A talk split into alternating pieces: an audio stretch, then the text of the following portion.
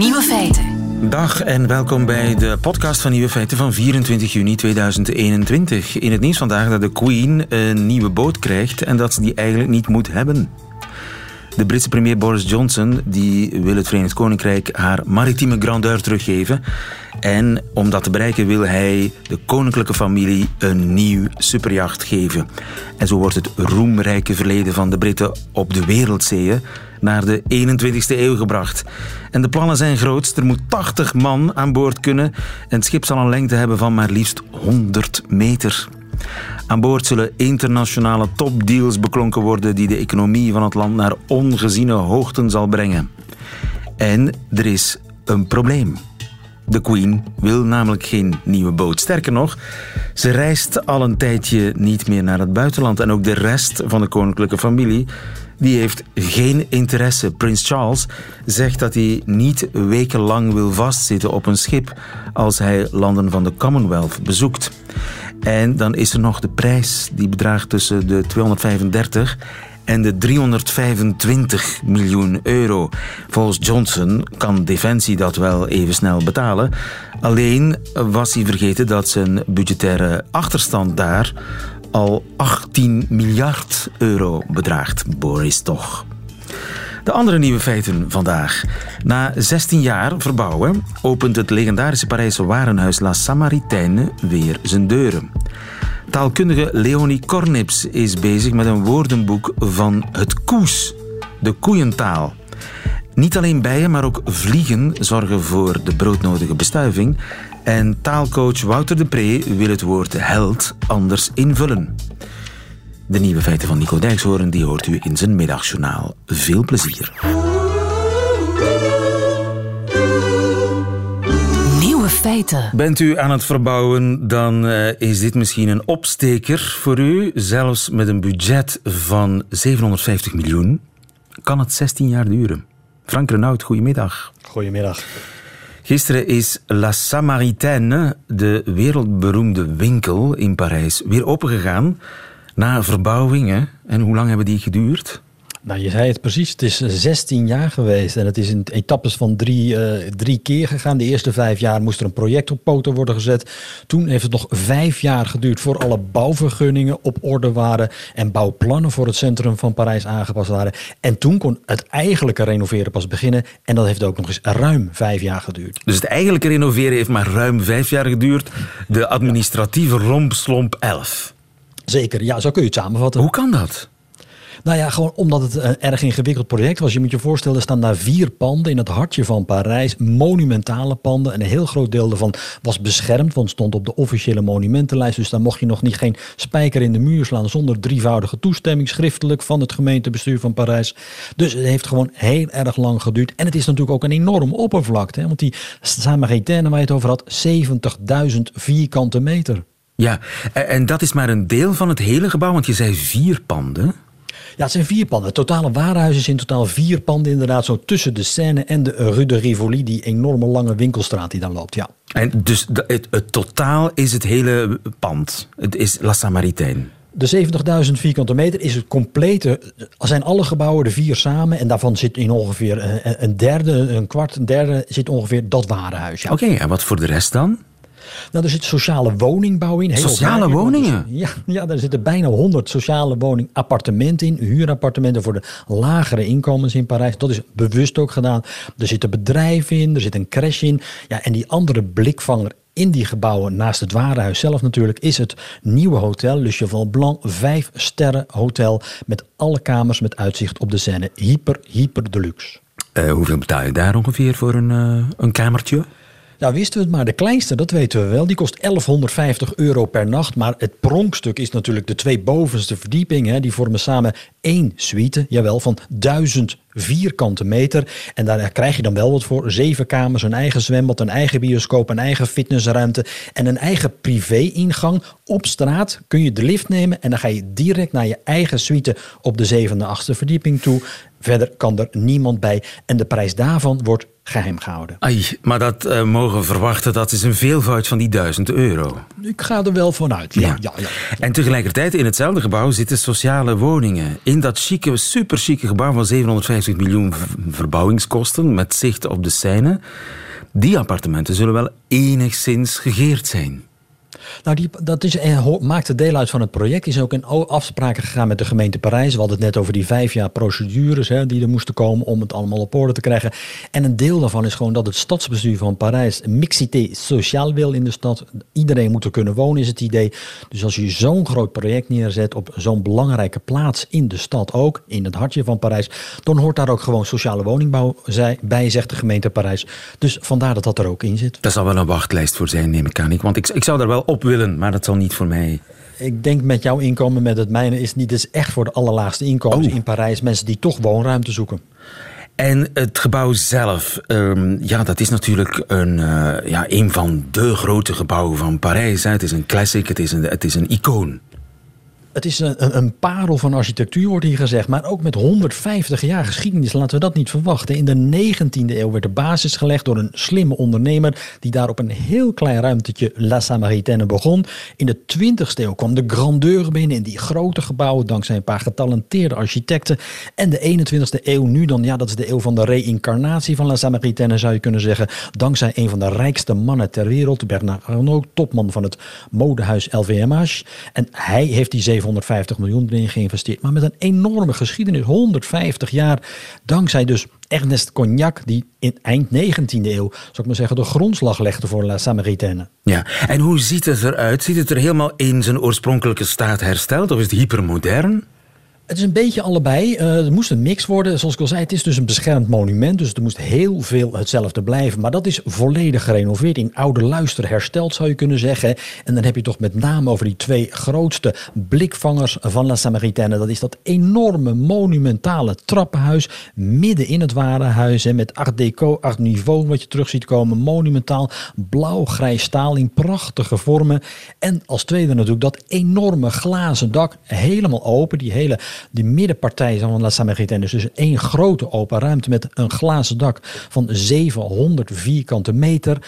Steunend vanzelfsprekend op ijzerwerk. Een beetje zoals het Grand Palais ook in Parijs dat heeft. Uh, prachtig natuurlijk, met heel erg veel licht dat er binnenkomt. En dat zijn die, die twee blikvangers, die zijn in oude luister hersteld. Ja. Dan heb je de andere kant, de, dat is aan de Rue de Rivoli. En daar is het echt weer hypermodern geworden. Althans, één van de gebouwen is door een Japans architectenbureau onderhanden genomen. En daar is de hele gevel ingepakt met golvend glas. En dat verandert s'avonds ook nog van kleur. Dus dat krijgt daarmee weer een, ja, een hypermoderne uitstraling. Ja, Parijs heeft er weer een eh, blikvanger bij. En ik heb iets weer op mijn bucketlist. Want ik wil het wel gaan bekijken. Ik heb trouwens nieuwe dagcrème nodig. Frank Renaud, goedemiddag.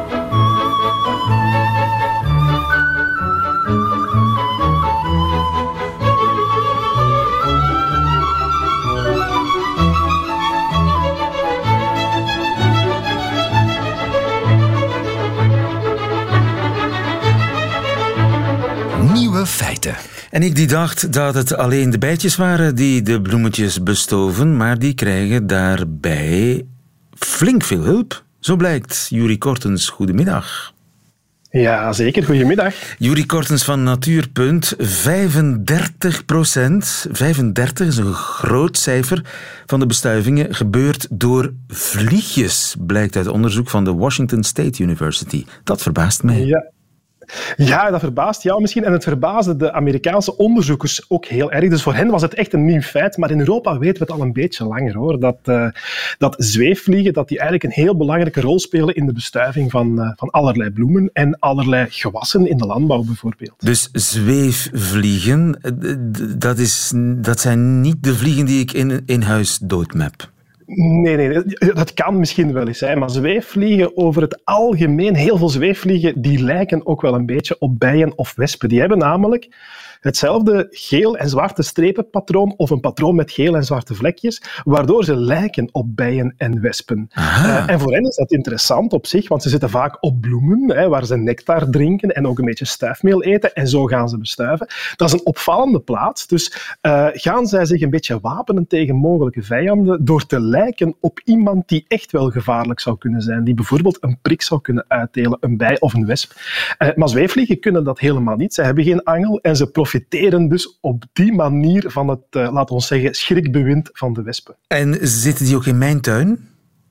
Uh, die zitten echt overal. Overal, of dat je nu een kleine stadstuin hebt of wat dan ook. Overal waar je een bloemetje hebt of soms gewoon een warme plek waar ze zich kunnen opwarmen, daar kan je zweefvliegen aantreffen. Uh, een van de meest bekende, uh, dat is de blinde bij. De blinde bij? Een hele slechte naam. Ja, een hele slechte naam, want is die het is blind? helemaal geen bij. Nee, ze is ook niet blind en het is ook geen bij. Het is een vlieg die doet alsof ze een bij is. Wie heeft die naam bedacht? Ja, ja, ja, maar er is een reden voor hoor. Zij heeft, zij heeft eigenlijk uh, haartjes op haar ogen staan, waardoor ze lijkt staart te hebben, waardoor ze blind lijkt te zijn. Maar dat is ze allerminst. Hè. Zeker de mannetjes van die zweefvliegen hebben veel grotere ogen dan de vrouwtjes. Heel die kop is ingepalmd door ogen. En dat komt omdat ze echt hun ogen uitkijken op zoek naar een vrouwtje. Dus uh, ja, ja. Uh, ja, vandaar die naam blinde, omdat die haartjes daarop staan enzovoort. Maar die komt overal voor en die larven van die soort die leven zelfs gewoon in onze beerputten.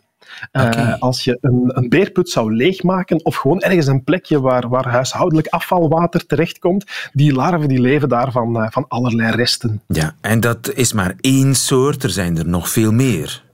Ja, ja, ja, voor Vlaanderen en voor België en Nederland. Hè, 384, 385 soorten. Dus dat is echt een, een hele uitgebreide groep. Je hebt erbij die gewoon zwart zijn, zoals onze vliegjes, die dat we binnenzien. Maar er zijn ook heel veel soorten die lijken op een wesp of een bij. En er zijn ook echte hommelimitators bij, die je, die je eigenlijk op het eerste gezicht niet van een hommel kan onderscheiden, tot je goed gaat kijken en dan zie je, ah, de vlieg die heeft maar twee vleugels, terwijl een hommel en een bij en een wesp, die hebben er vier. Uh, zo kun je het onderscheid, zo kun je het verschil zien.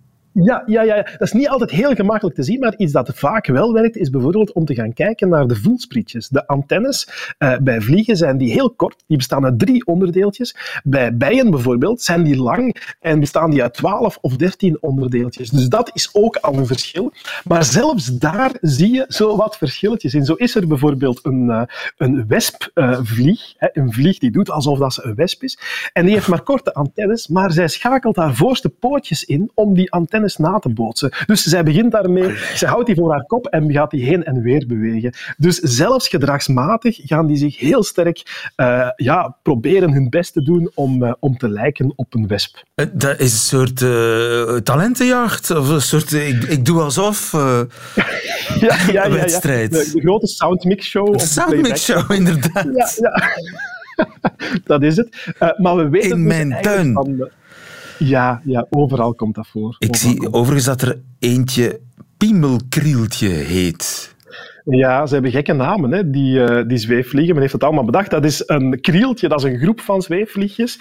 Uh, en dit exemplaar, of deze soort, die wordt gekenmerkt uh, door het mannelijke lid dat nogal uitgesproken is. En vandaar heeft men ooit op waarschijnlijk een late avond de Nederlandse naam piemelkrieltje bedacht. Dat is echt de officiële naam van die zweefvlieg die zich misschien ook in mijn tuin ophoudt. Wie weet, hè? ja. Dus dat kan, dat kan best, dat die daar ergens rondhangt. En die bestuiving, want dat, daar ging het eigenlijk over. Zij bestuiven dus precies zoals de bijen en de hommels. Of doen ze dat op een speciale manier? Uh, ze doen dat op een heel gelijkaardige manier. Hè. Ze gaan ook naar bloemen om, uh, om nectar te drinken en, uh, en ook om stuifmeel te eten. Want als ze dat stuifmeel eten, dan kunnen ze zelf bijvoorbeeld eitjes aanmaken. Ze hebben die, die voedingsstoffen nodig. ze doen dat dus heel gelijkaardig. Ze zijn iets minder efficiënt individueel, maar ze zijn vaak met heel veel.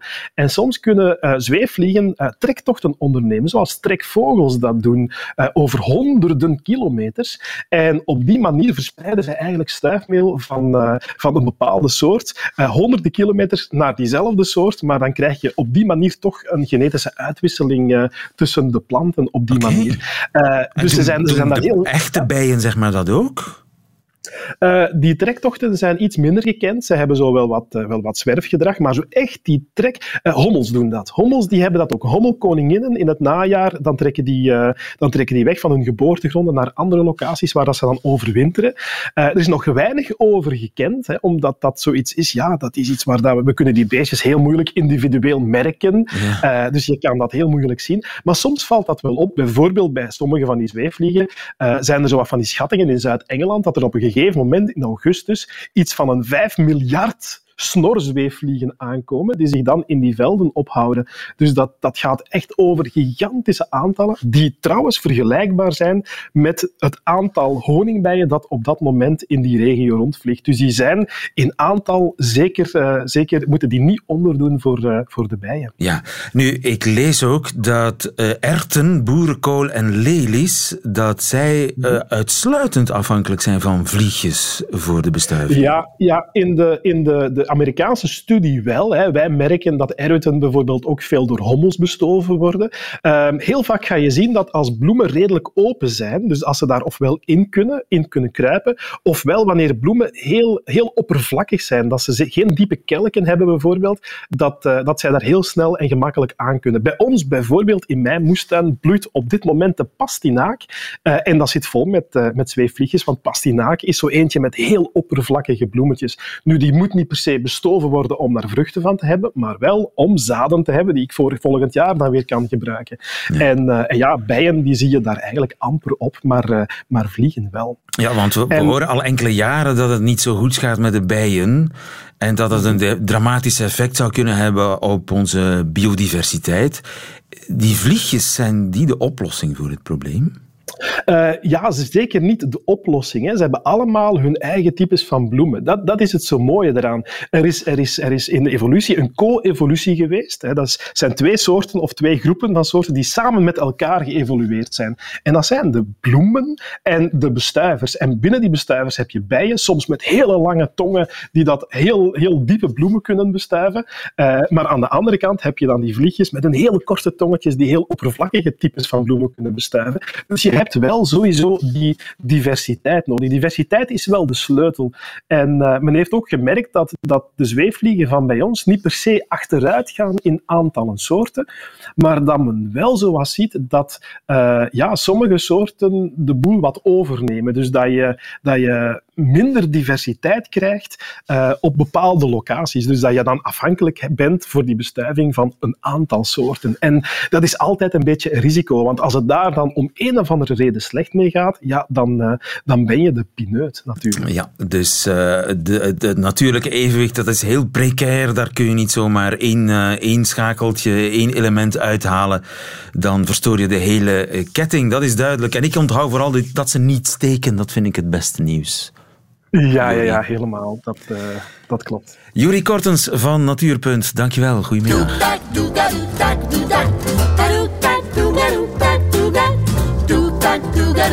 De taalcoach.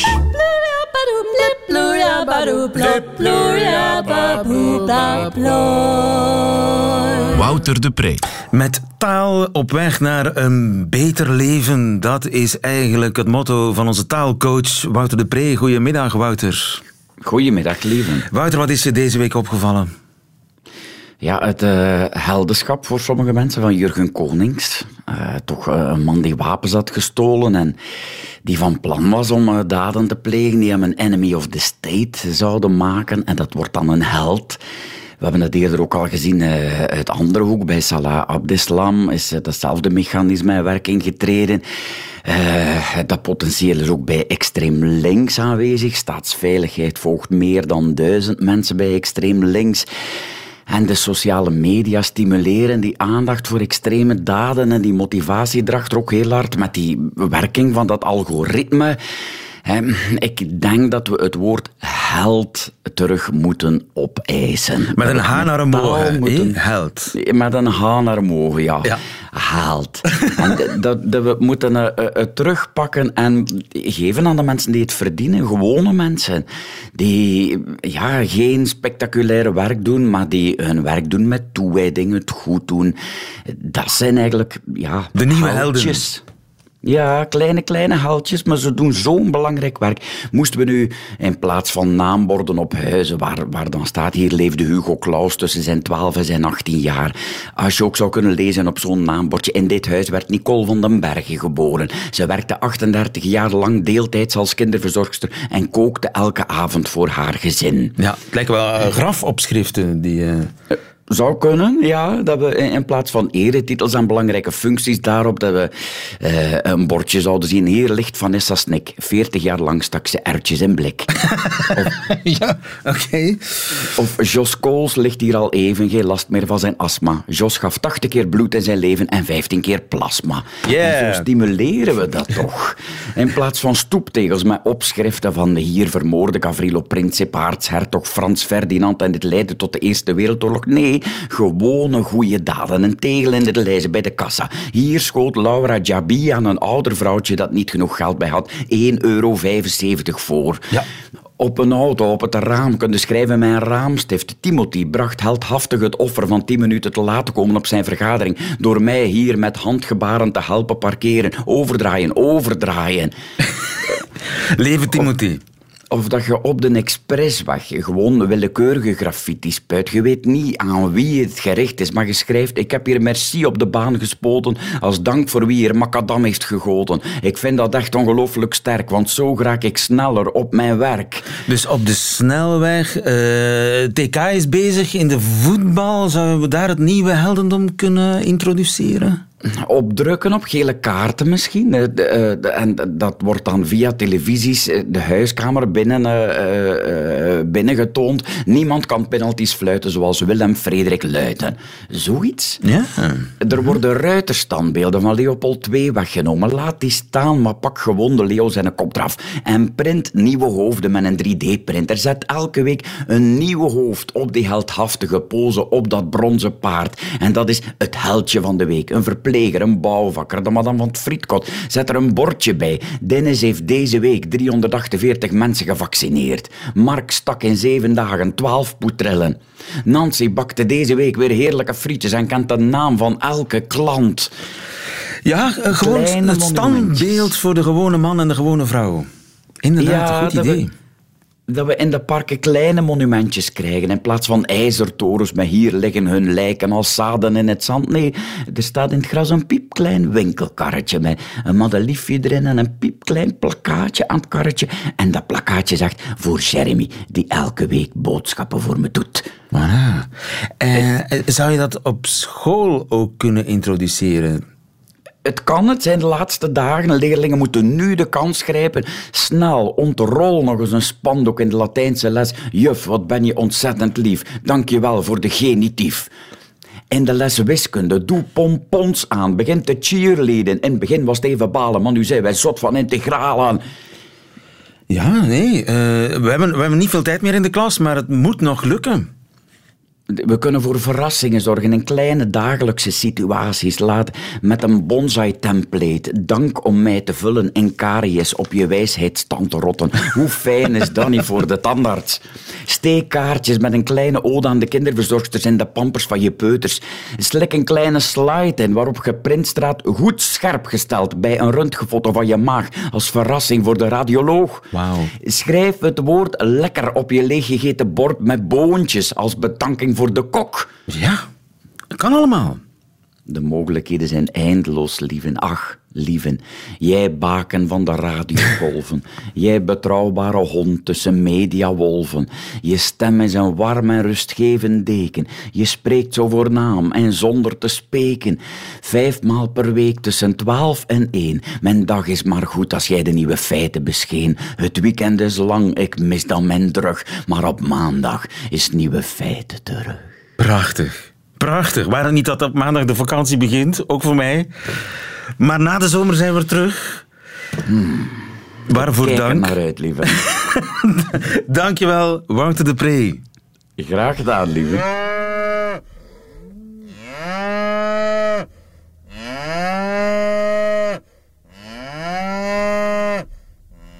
Ik heb altijd gedacht, dit betekent ik wil gemolken worden en wel nu meteen.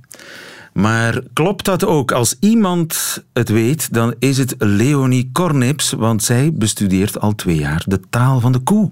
Goedemiddag, Leonie. Goedemiddag. Je bent taalkundige van onder meer het Meertens Instituut. Uh, mag ik vragen, spreek jij inmiddels een mondje koes?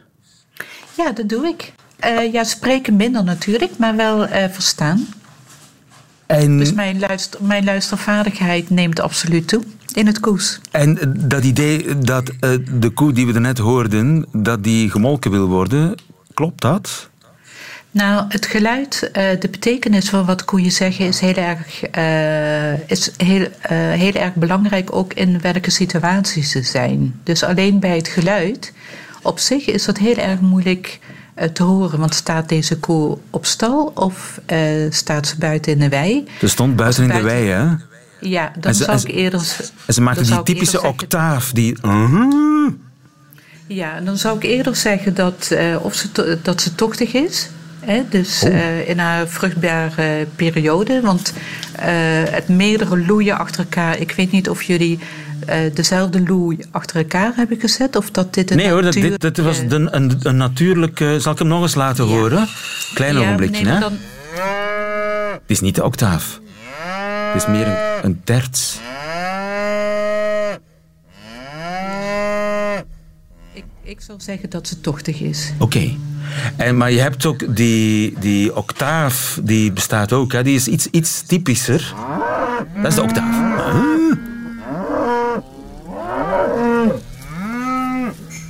Is, is, is dat, maakt dat verschil, de toonhoogte, maakt dat een, een verschil? Ja, dat, dat, um, dat maakt zeker een verschil. Um, en uh, dat is heel erg belangrijk om ja, al die verschillende soorten geluiden te inventariseren.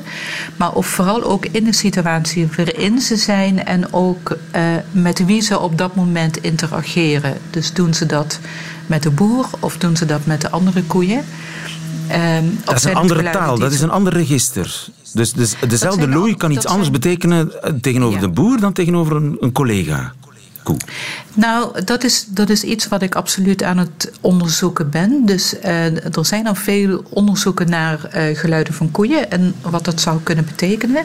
Maar die worden vaak, dat geluid wordt heel vaak bepaald of in een experimentele conditie. Dus er wordt één koe wordt bijvoorbeeld in een situatie geplaatst waarin zij gemolken zou moeten worden, maar dat wordt een uur uitgesteld.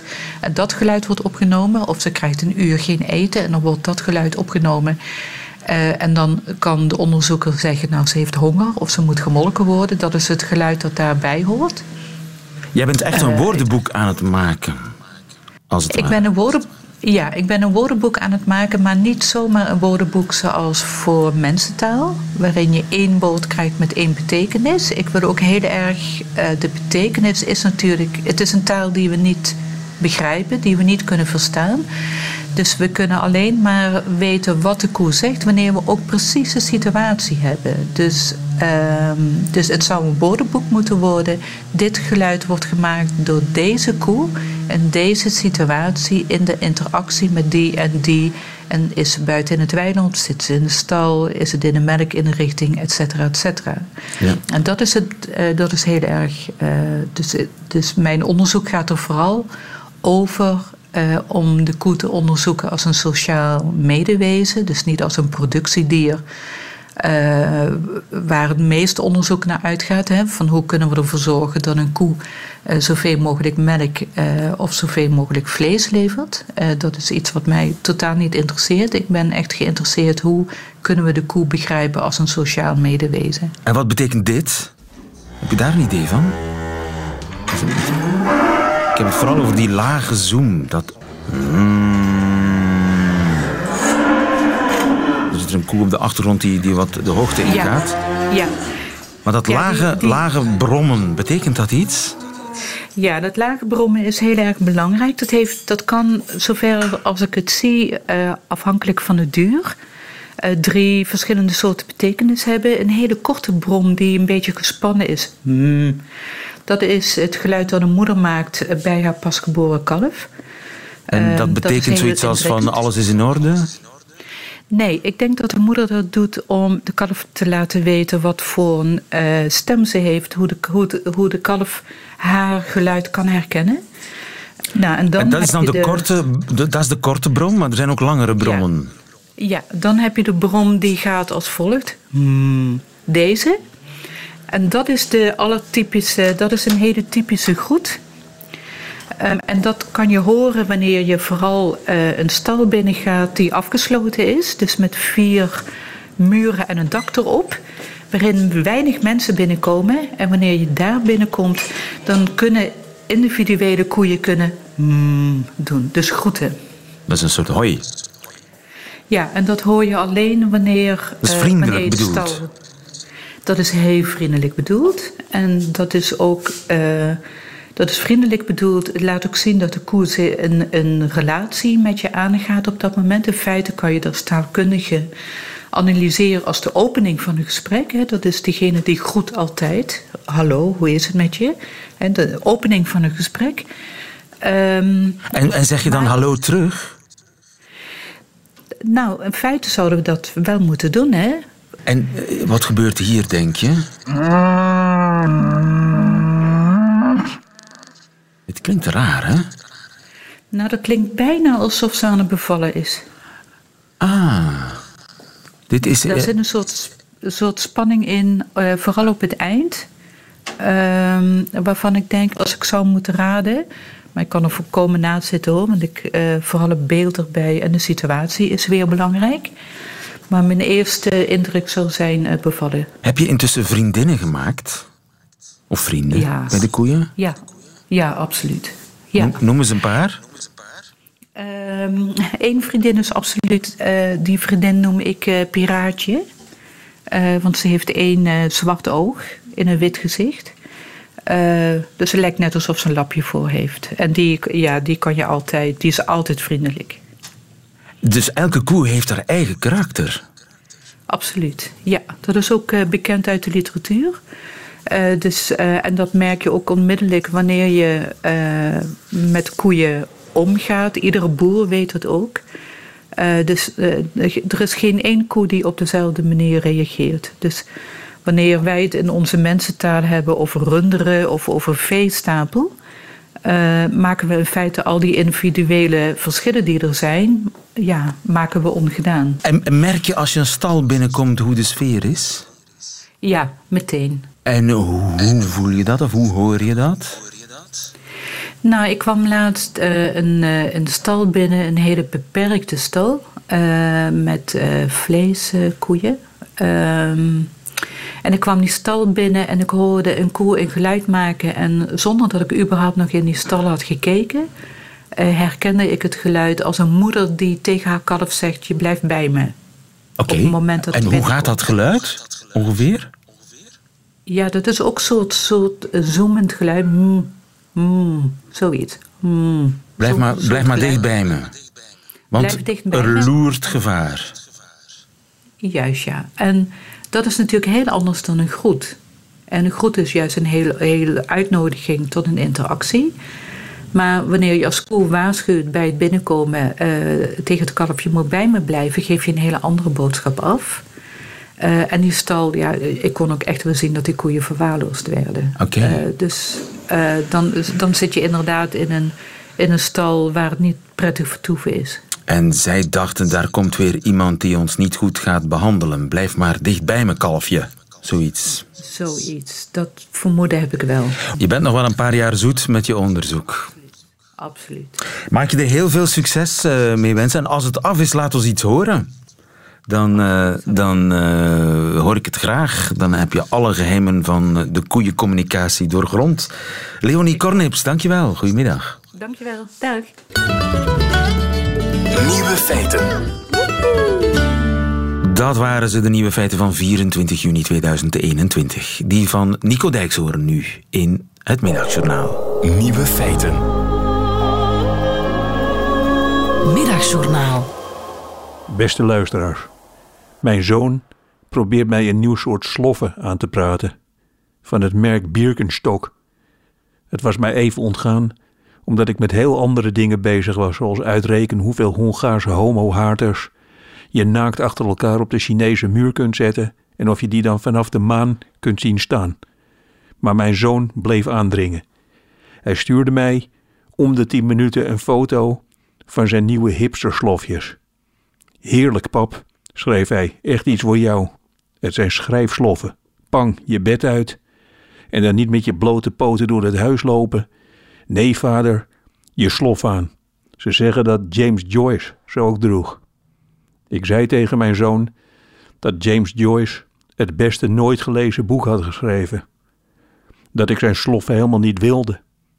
Daarna was het even stil en ping, daar kreeg ik alweer een nieuwe foto van die slof op mijn telefoon. Met een tekst erbij. Iedereen draagt ze, behalve jij. En ik, luisteraars, zag het als een compliment. Maar luisteraars, u bent u natuurlijk nieuwsgierig hoe die sloffen eruit zien. En ik zal mijn best doen. Als twee doodgeschoten onbekende dieren zonder ogen en poten. Als klompen van geborsteld suède. Als de buidels die bange toeristen altijd om hun nek hebben hangen om hun paspoort in te bewaren. Maar dan, nu dus, om hun voeten. Als twee leverworsten die van een flatgebouw zijn gegooid. Ping, weer een bericht van mijn zoon. Enkele minuten geleden.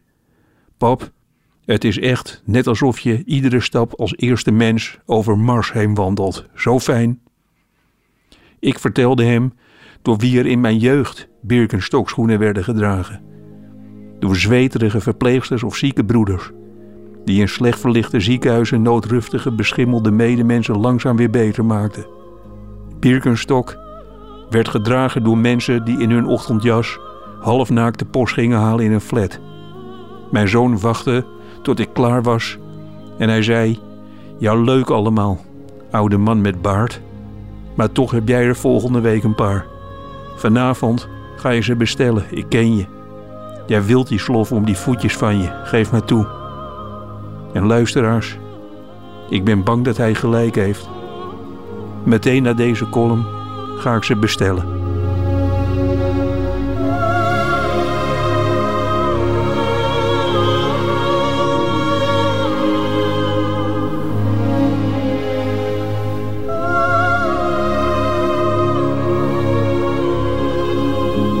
Nico Dijkshoorn, bijna eigenaar van een nieuw paar sloffen.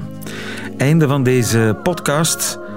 Hoort u liever de volledige nieuwe feiten met de muziek erbij? Dat kan natuurlijk via radio1.be of via de app van Radio 1. Tot een volgende keer.